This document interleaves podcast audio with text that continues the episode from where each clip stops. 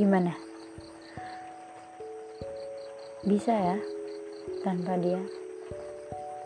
Kemarin mikirnya kalau nggak sama dia, nanti siapa yang nolong aku?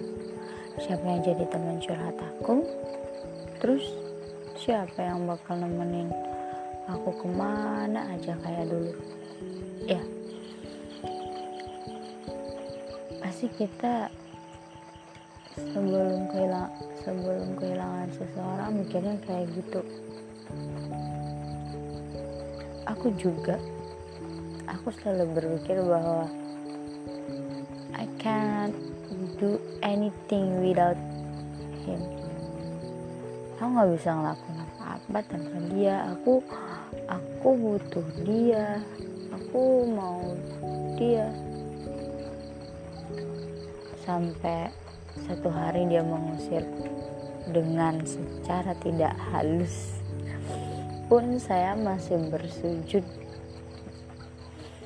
supaya dia kembali.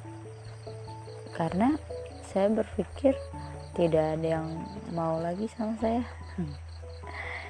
Itu pikiran yang berkecamuk.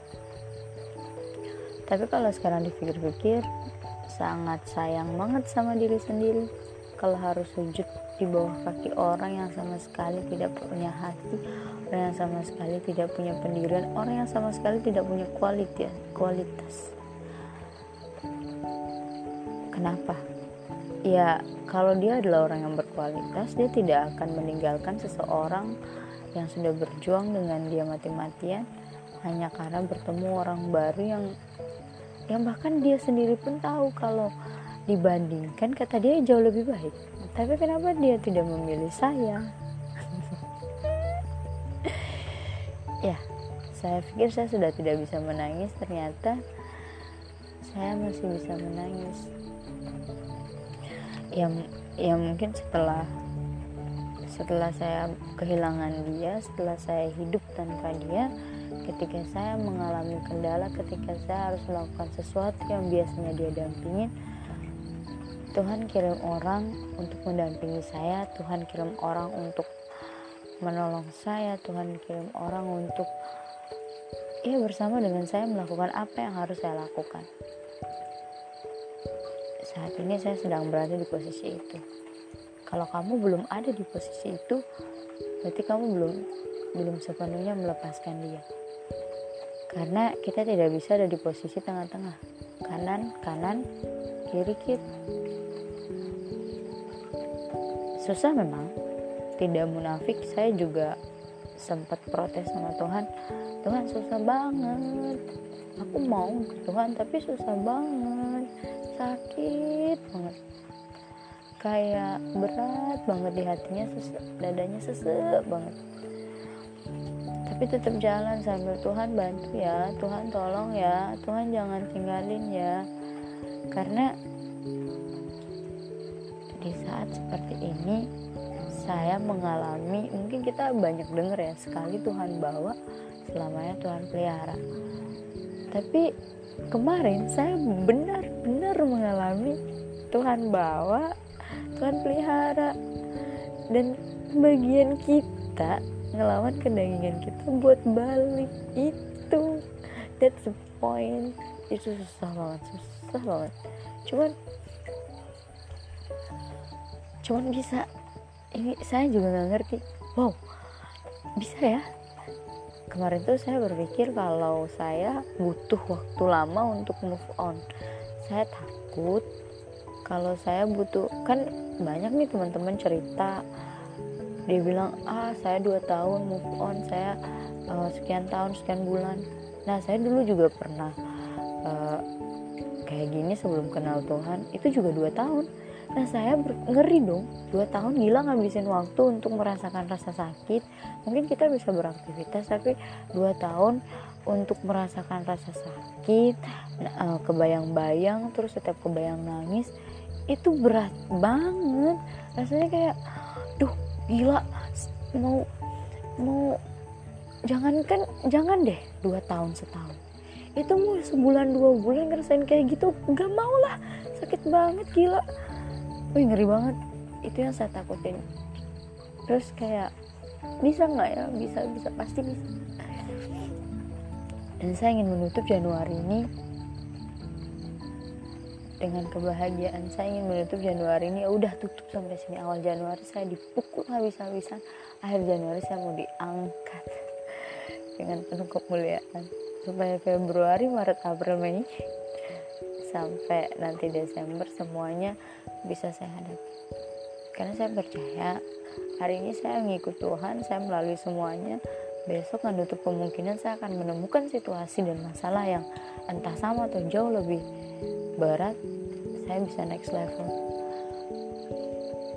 Saya bisa ngomong kayak gini baru sekarang ya kemarin saya harus telepon dia tengah malam saya harus chat dia saya harus melihat bagaimana dia memperlakukan saya dengan sangat amat tidak layak.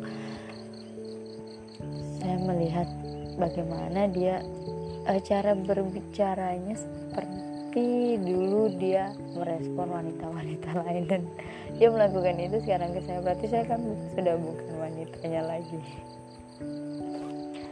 saya cuman kaget ternyata real ya hati manusia bisa berbolak-balik dalam waktu singkat dan dalam keadaan yang tidak pernah terduga. Even sekarang dia bisa bucin banget dia bisa I love you, I I miss you, I can't live without you. Dia bisa ngomong kayak gitu. Besoknya hilang. Aku sama dia aja ya. Nanti aku pasti pulang. Menurutmu aku rumah atau atau villa yang bisa kamu sewa gitu. Tapi sekarang menurut saya dia sudah pergi terlalu jauh untuk kembali pulang. Dan saya pastikan saya bukan rumahnya lagi. Saya tidak punya penghuni yang pergi dan memiliki dua rumah. Tidak adalah rumah yang belum memiliki penghuni. Saya tidak mau penghuni saya punya dua rumah dan perginya terlalu jauh. Buat apa? Buat apa coba? Buat apa harus punya dua kalau bisa satu? Buat apa? Buat apa harus harus pergi kalau bisa pulang? Nggak ngerti dah konsepnya dan yang paling lucu tuh kalau orang meninggalkan seseorang hanya karena kamu terlalu sempurna, kamu kita terlalu perfect. Ini dia nyari-nyari masalah. Padahal hubungan kita juga masih banyak masalah. Maksudnya masih banyak hal yang harus diselesaikan belum belum selesai. Kita belum punya apa-apa, cuman lingkungan kita emang udah mendukung itu yang memudahkan kita lah. Lu mau nyari masalah apa? mau nyari masalah biar nggak direstuin biar ada tantangannya gitu.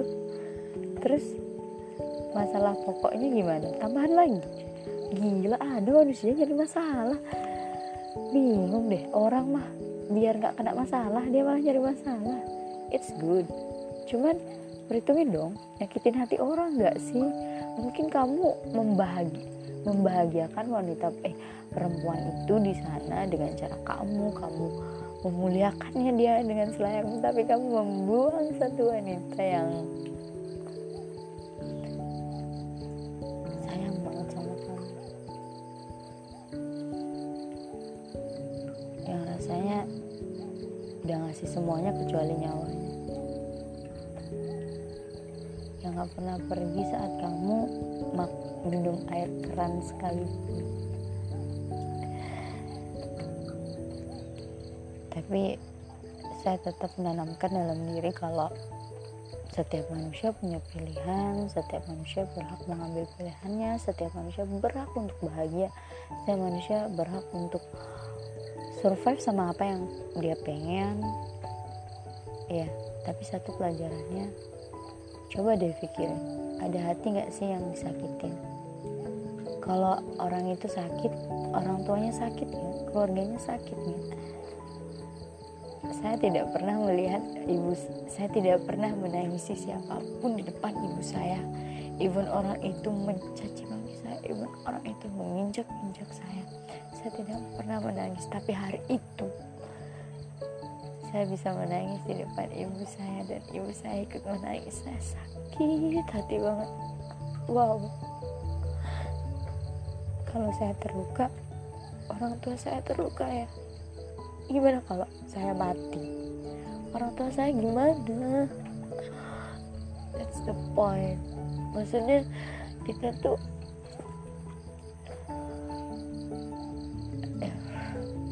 maksudnya ngapain gitu? Kayak maksudnya ngapain gitu? Bacaan sesuatu yang yang bener itu cuma luka bagi semua orang semua pihak. Saya percaya dia juga terluka. Maksudnya dia mungkin senang-senang sama apa yang dia dapetin. Cuman kan nutup kemungkinan dia dia sebenarnya juga luka itu. Dia juga pasti sandi pasti bakal merasa bersalah. Uh, saya nggak kegeeran cuman hakikatnya manusia pasti kayak gitu. Nanti menyesal terus mau balik saya udah nggak bisa balik. Sakit banget gila saya adalah tipe orang yang emang suka tantangan tapi pilih dan pilih dong mana yang bisa dijadikan objek untuk menantang mana yang enggak. Ini hubungan di dalam hubungan masih banyak yang harus diselesaikan dan dia tidak dan dia memilih untuk mencari hubungan baru yang biar ada tantangannya. Tantangan di kita aja dia belum selesaiin dia menganggap it's finally Desember terlalu membuai. Desember terlalu membahagiakan untuk dia yang suka tantangan. Dan Januari saya dipukul habis-habisan. Kalau diingat saya menjadi wanita yang paling bodoh kata sepupu saya dua kali saya harus sujud di depan dia. Dua hari berturut-turut. Mau ngajak dia kembali ini mulut saya sudah berbusa cuman ya ya itu. Pelajaran buat kita